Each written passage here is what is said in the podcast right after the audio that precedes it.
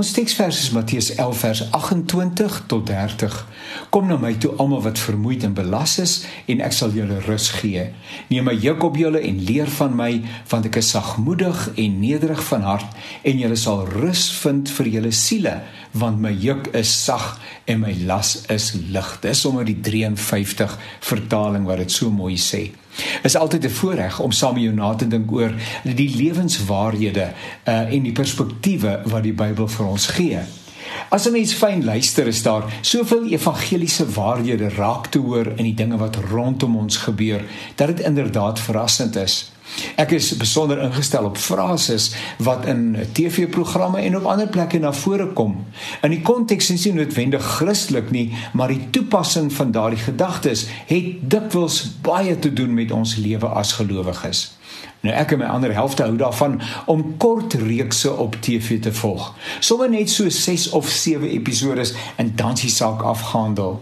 En so volg ons 'n reeks waarin een van die hoofkarakters 'n liefdesteleurstelling beleef. Die nooi op wie hy sy oë het, tree met iemand anders in die huwelik.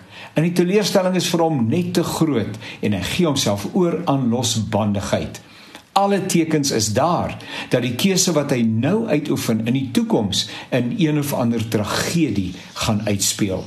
Hy het 'n vriendin wat haar eie manier op haar eie manier waarhede kwytraak. Sy is nie self die voorbeeld van moraliteit en goeie waardes nie, maar sy is vir hom 'n goeie vangnet in 'n tyd waarin hy regtig ondersteuning nodig het. En op 'n stadium sê sy vir hom die volgende woorde: As jy in 'n spiraal na onder val, vryval, dan voel dit of jy vlieg totdat jy die grond tref. Kom ek sê dit weer. As jy in 'n spiraal, daai spiraalbeweging na onder, vryval, dan voel dit vir 'n oomblik asof jy vlieg totdat jy die grond tref.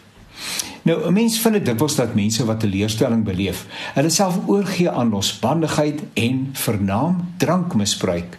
En op dié manier hoop hulle om van hulle probleme te vergeet.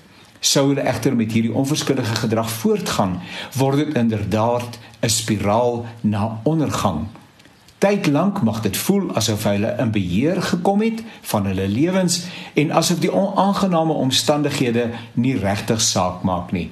Hulle voel vry, maar besef nie wat met hulle besig is om te gebeur totdat hulle die grond tref nie.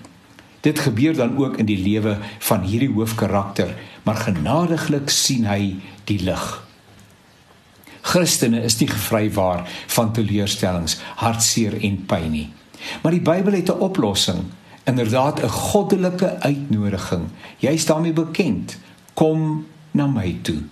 Kom na my toe en ek sal julle rus gee. Moenie soos die wêreld maak nie. Drankmisbruik en alles wat daarmee saamgaan is nie die oplossing nie. Vertrou die Here met jou hartseer. Die vrede wat hy gee is hemels.